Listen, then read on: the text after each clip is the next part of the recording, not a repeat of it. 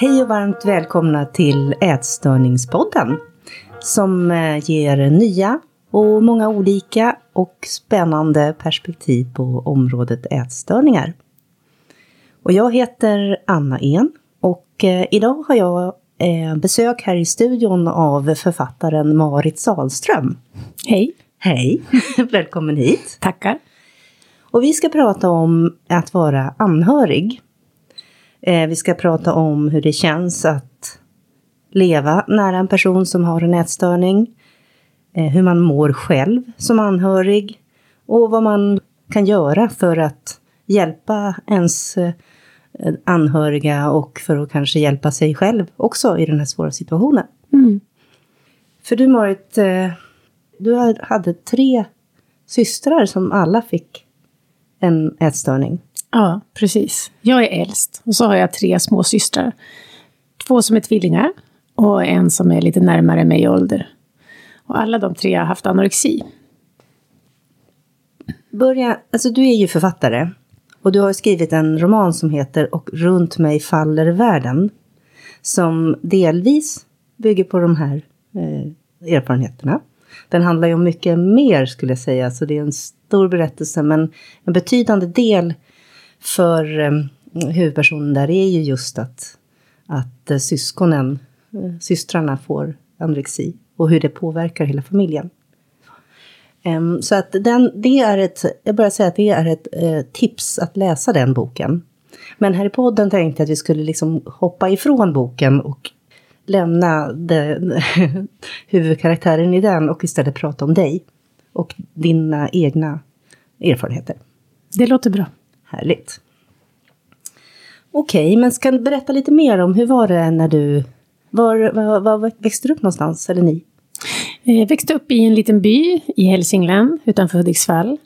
Eh, och eh, ja, ett hus på landet. Sådär, verkligen bylikt. Man cyklade liksom till skolan och så. Eh, och sen flyttade jag när jag var... Jag började gymnasiet i en annan stad, eller i Uppsala. På den tiden fanns det inte så många sådana där estetiska program.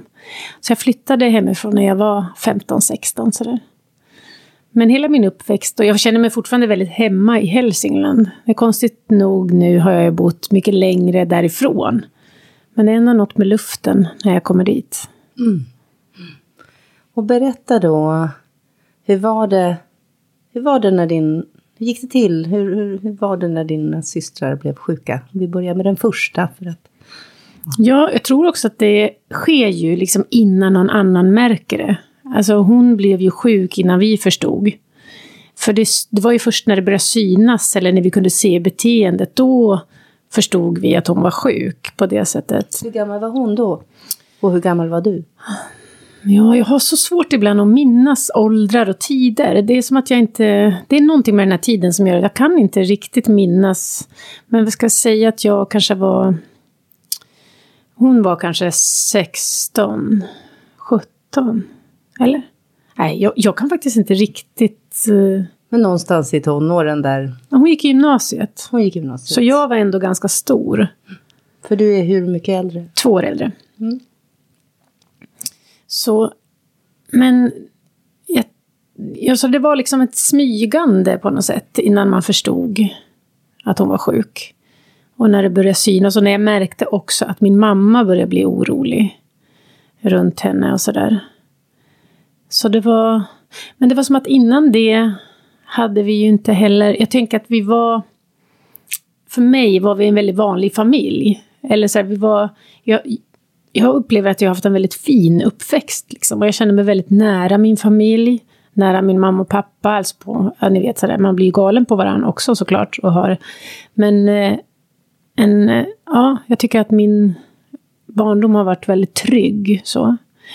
Sen är det såklart att man, så många syskon man har, så många olika uppväxter är det. För mm. att det är helt olika.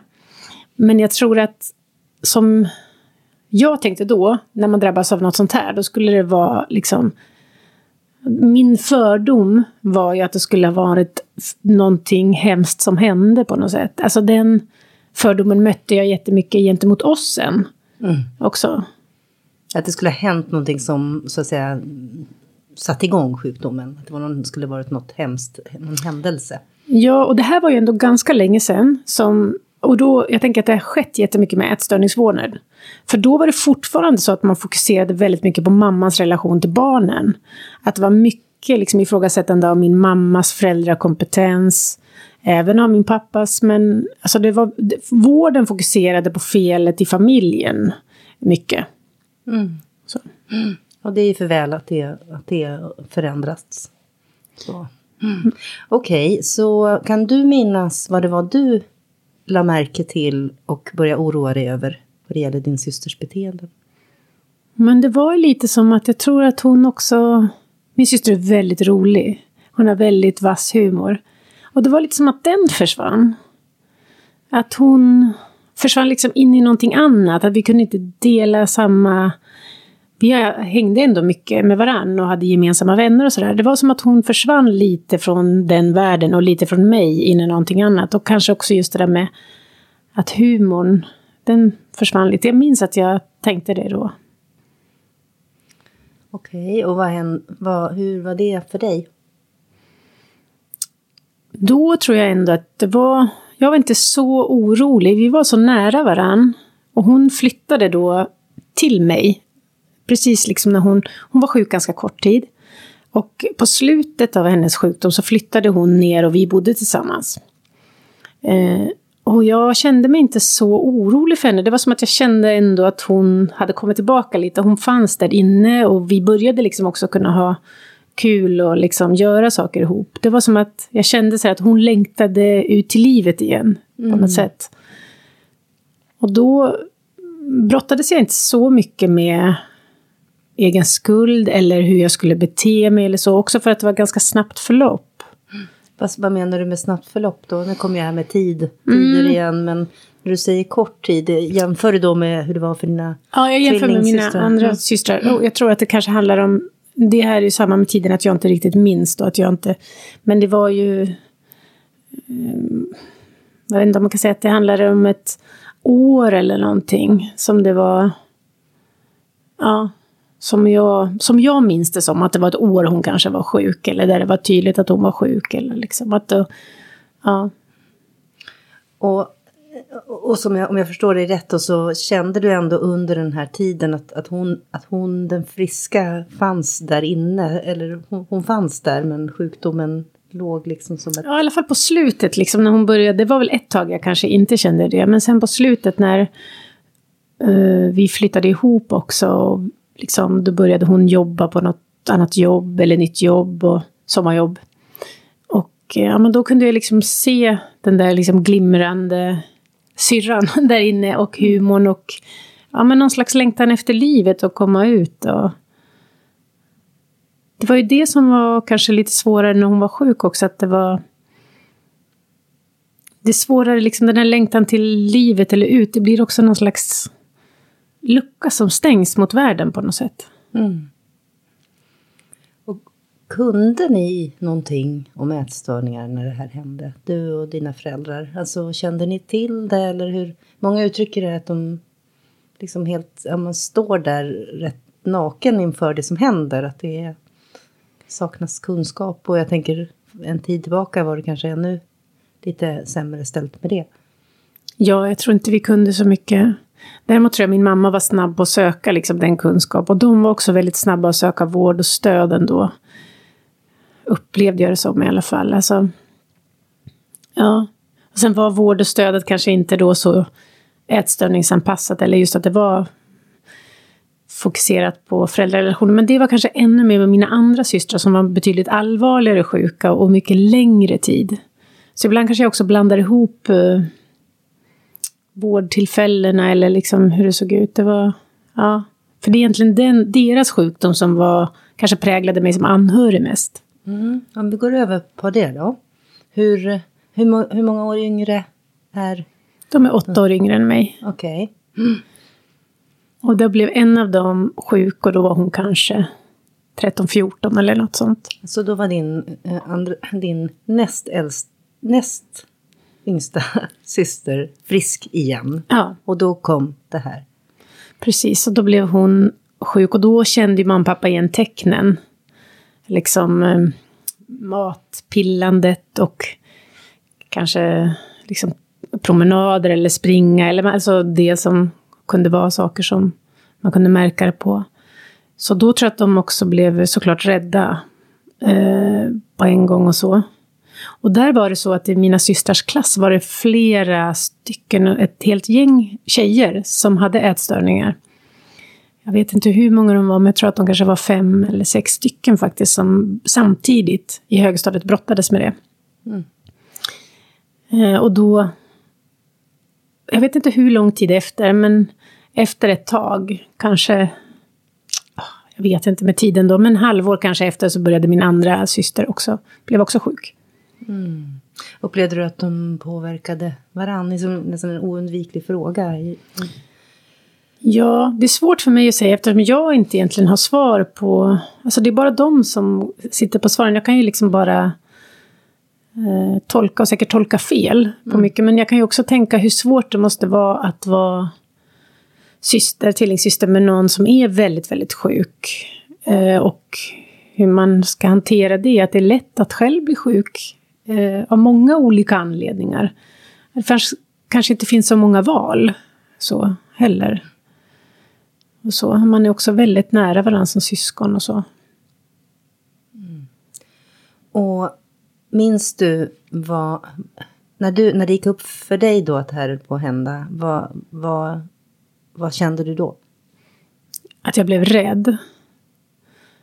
Rädd för att jag hade liksom anat det där äh, jag kallar ju det odjuret i boken. Men det är på något sätt som ett, eh, en kraft som är så himla stark i, i anorexin eller i en ätstörning. Som, som jag som syskon då kunde, jag kunde uppleva att någon tog över, liksom min syster. Mm. Eh, trängde undan henne. Ja, men som att den här personen som jag kände var så svår att nå. Det blev liksom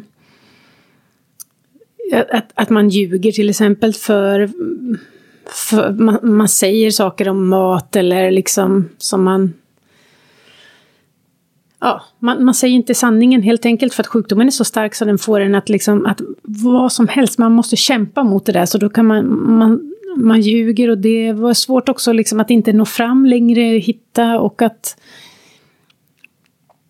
det är väldigt frustrerande som anhörig för att det, man ser liksom både att man blir rädd för att det blir så farligt. Alltså det är en farlig sjukdom på det sättet att man blir orolig för att den här personen ska liksom inte klara sig eller bli...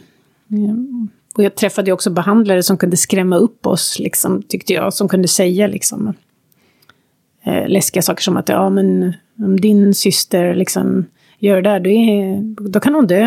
Alltså, det var läskiga saker som liksom också mm Ja.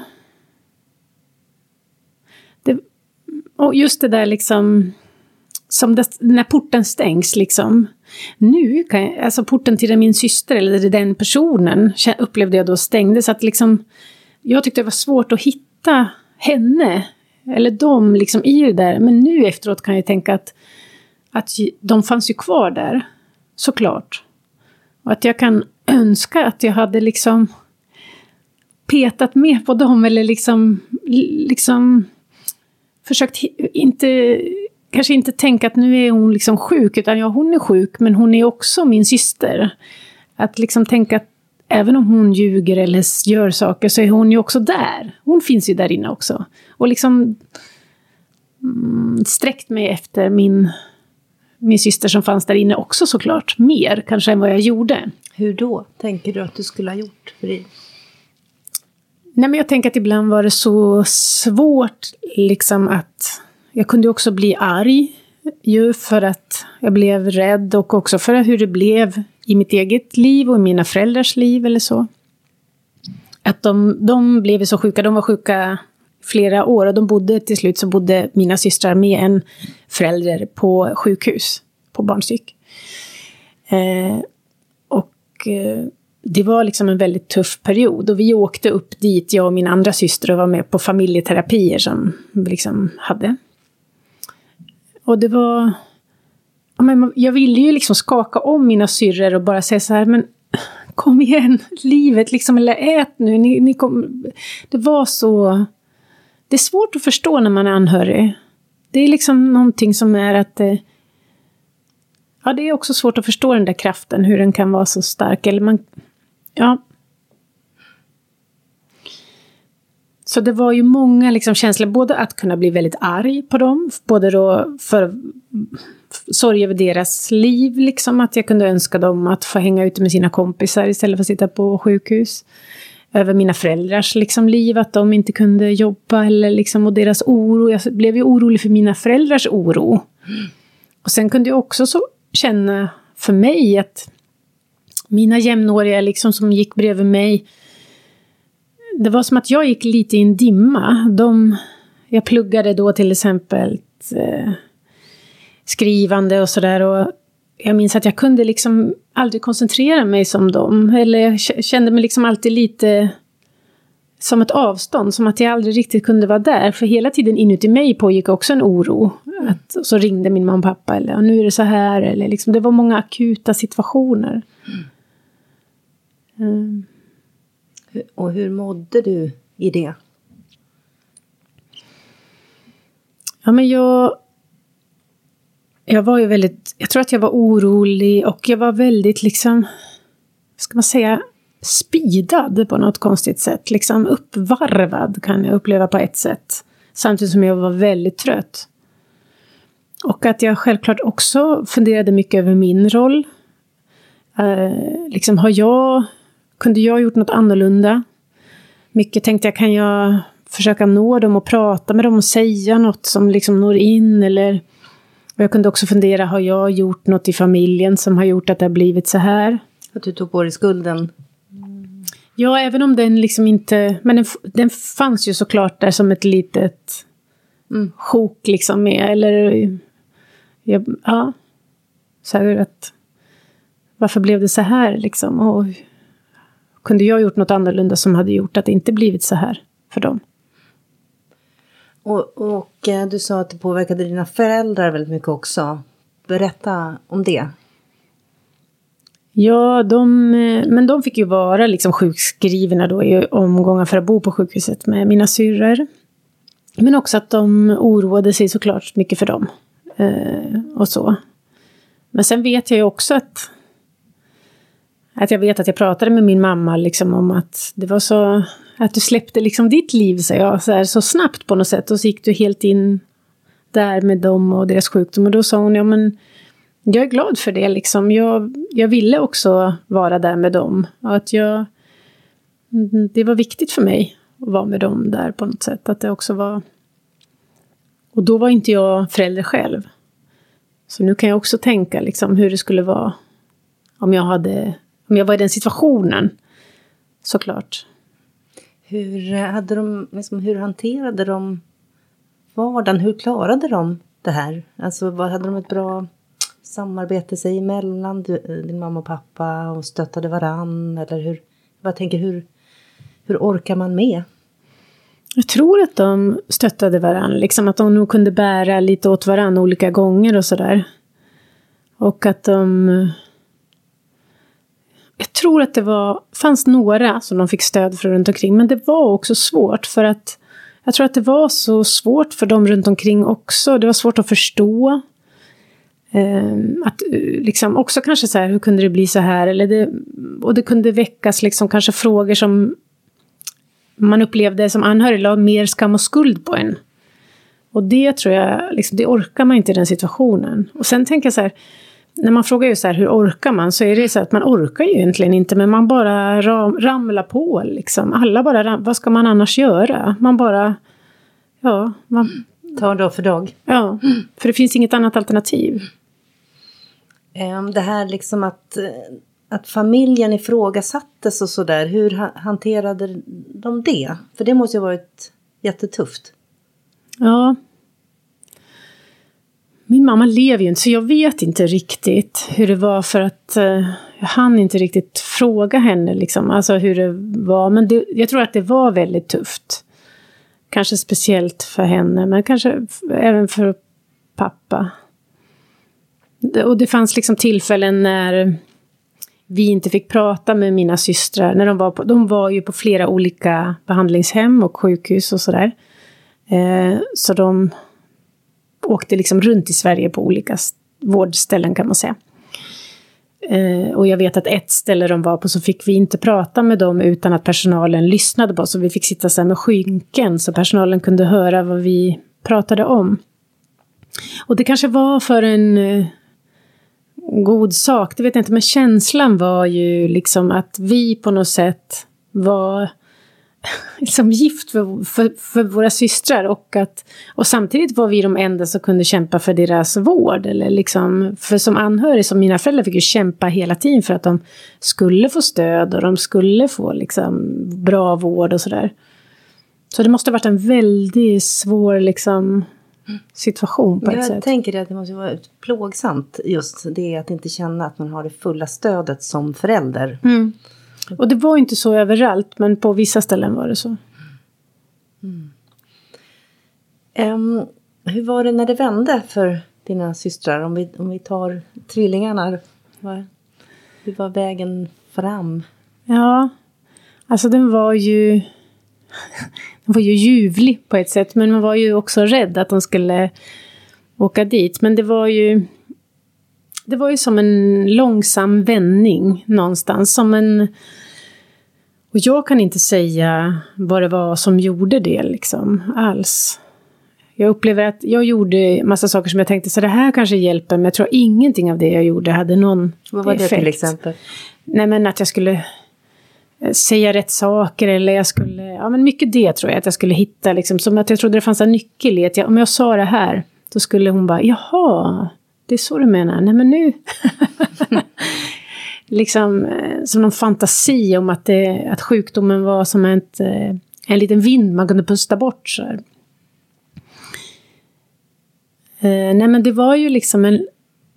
Som, men det var som en långsam, jag tycker också det där långsamt liksom promenad tillbaka mot ett liv, mot vänner, mot utbildning, liksom mot... Eh, som inte var helt lätt såklart. Eh, på många olika sätt. Men, eh, men jag är ju så otroligt glad, för jag har ju liksom mina tre systrar i livet idag. Och jag vet att det inte alls var självklart då. För just mina två systrar var väldigt, väldigt sjuka. Så jag känner mig som att eh, det är ju fantastiskt för mig att jag har dem i mitt liv och att, att de liksom ja, de lever sina härliga, liksom vanliga liv idag. Friska liv. Friska liv, ja. Hur gamla är de idag? Ja, de är ju runt, runt 40, lite drygt 40 sådär mm. idag. Mm. Och eh, hur är er liksom, kontakt idag? Har den, skulle du säga att den är liksom präglad av den här erfarenheten? Nej, det känns väldigt som att det inte är med i våra i vår relation idag? Är det liksom... Nej, jag upplever inte det. Jag känner oss som systrar idag. Det är liksom sällan det, sällan det finns med. Liksom, det kan ju vara om man pratar om minnen eller att och säkert kan det ju, säkert finns, det finns ju saker i mig som anhörig som jag har beteenden av att vara anhörig. Att kanske bli orolig eller att um, eh, tror det värsta. Eller liksom, alltså jag har ju sådana. Men i relationen med dem så tycker jag att vi känns som... De känns bara som mina systrar. Det finns liksom inte... Vad underbart. Det är ja. jättehärligt. Men, men när du säger att det växer dig, menar att du har spår i dig? Ja, det tror jag. Och kanske inte bara av det, för det hände andra saker i mitt liv. Det är också det som boken handlar om. Men att Alltså spår av att vara den som står bredvid när allt faller och hur man då hanterar det på något sätt. Alltså att man får en slags överlevnadsstrategi. Mm. Hur man ska hantera livet. Och de spåren tänker jag att de finns ju med och de får jag jobba lite med liksom. Eh, jag kan ju bli väldigt orolig till exempel. Snabbt kanske tänka långt för andra människor runt omkring mig eller liksom. Ja, Alltså det är också när man vet hur skört livet kan vara, så är man, är man liksom, kan vara lätt att hamna där, att man vet att det... Men det är inte alltid det hamnar där och ofta gör det inte det. Det går inte heller att leva liksom i den där äh, vetskapen om hur skört det är hela tiden. Så det får jag jobba lite med. Mm. Jag tänker det här du sa att du önskar att du hade liksom petat lite ytterligare på det, på det friska och liksom där. Är det, är det, jag tänker man skulle vilja mm, ge vidare någonting av din liksom, långa erfarenhet här till den som befinner sig i den här situationen just nu. Är det en sån sak att inte att fortsätta försöka, försöka ännu lite mer eller vad? Ja, och liksom tänka att de finns ju där. Att mm. liksom, den personen finns ju där inne också. Att det, som syskon tyckte jag då att jag kunde, liksom, som att jag inte såg dem, jag såg bara sjukdomen ibland. Liksom, och det var som att jag då inte kunde ta, prata till dem, utan det var liksom sjukdomen tog över dem. Och det kan jag tänka att jag skulle vilja fortsätta prata med dem, för det är det, i, i det på något sätt som jag tänker kraften finns också. I dem och i det, äh, deras positiva liksom, kanske kraft och egenskaper och vilka de är egentligen. Sjukdomen, de är ju inte sjukdomen, så det att liksom fortsätta minnas att att där är liksom, där är hon som är så rolig på det där eller och liksom jobba och säkert är många jättebra på det som jag eh, redan Det tror jag är väldigt svårt att, eh, så det är nog väldigt bra att påminna sig om att eh, separera personen och sjukdomen. Också för att, ja, jag bara tänker på mina egna föräldrar och sådär att all den förtvivlan och, och, och sorg och frustration som man kan känna och, och att, liksom att försöka, försöka, alltså den kan ju mildras något av att av att verkligen känna det här att det är sjukdomen man är arg på och förtvivlad över. Men att personen finns kvar där, så det tror jag är jätteviktigt. Men sen är det ju liksom en sjukdom som verkligen tar över ju hela vardagen, hela livet. Så det är ju svårt också. Ja, och att mycket, man måste ju liksom äta. Mm. Liksom relatera till det och liksom... Ja, så det tar ju över. Så det gäller liksom att... Jag tänker att det handlar om att, och det skulle jag vilja säga om kanske att försöka hitta eget stöd där man kan få vänner som lyssnar eller liksom Frisk och Fri eller liksom andra anhörigföreningar eller personer att man kan få stöd och vila lite för att så man får kraft. För jag tror att om man, om man är så sliten liksom, då är det ju ännu svårare att tänka att där inne är liksom min, mitt friska syskon eller mitt friska barn eller liksom, eh, för att man är ju så då är man så trött och sliten. Så att, att, om man själv kan liksom hitta platser och vila, vad det nu än är för en, liksom, i, en, i en jättesvår situation för alla. För jag tänker också att det är ju så... Jag tänker att det är tydligt för mig liksom nu att mina systrar ville ju verkligen... Alltså de... Alltså hur det var för mig, det var ju svårt för dem att se då liksom. Att det var hur det var att stå utanför och sådär. Men Ja. Har ni pratat om det mycket senare? Hur det var även för dig? Ja, det har vi ju. Och i, i samband med boken och skrivandet av boken, de har ju varit med under hela vägen och läst liksom igenom och sådär.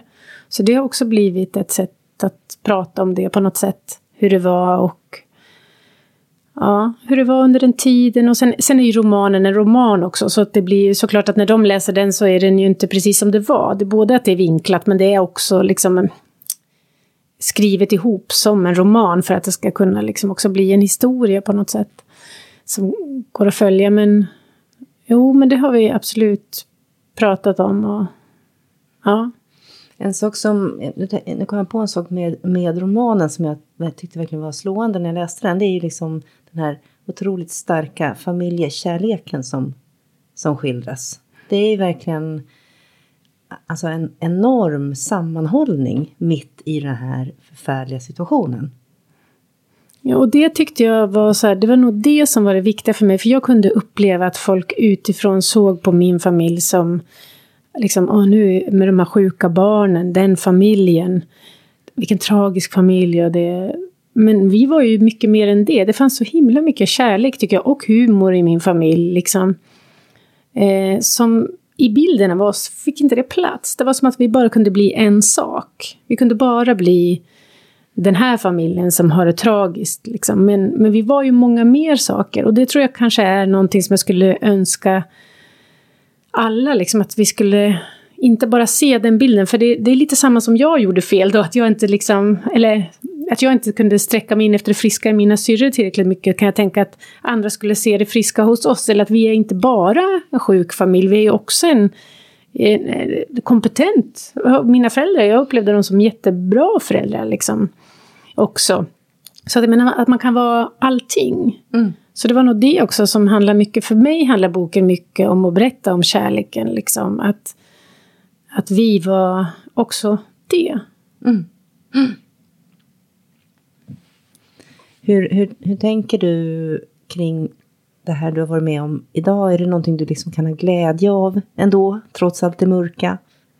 Ja, men det är nog det där med att jag tycker att jag kan förstå att att människor och familjer liksom kan vara både och. Och att jag kan känna i mitt jobb, jag jobbar ju och både skriver, men jag jobbar ju också med barn och unga med problematisk skolfrånvaro till exempel.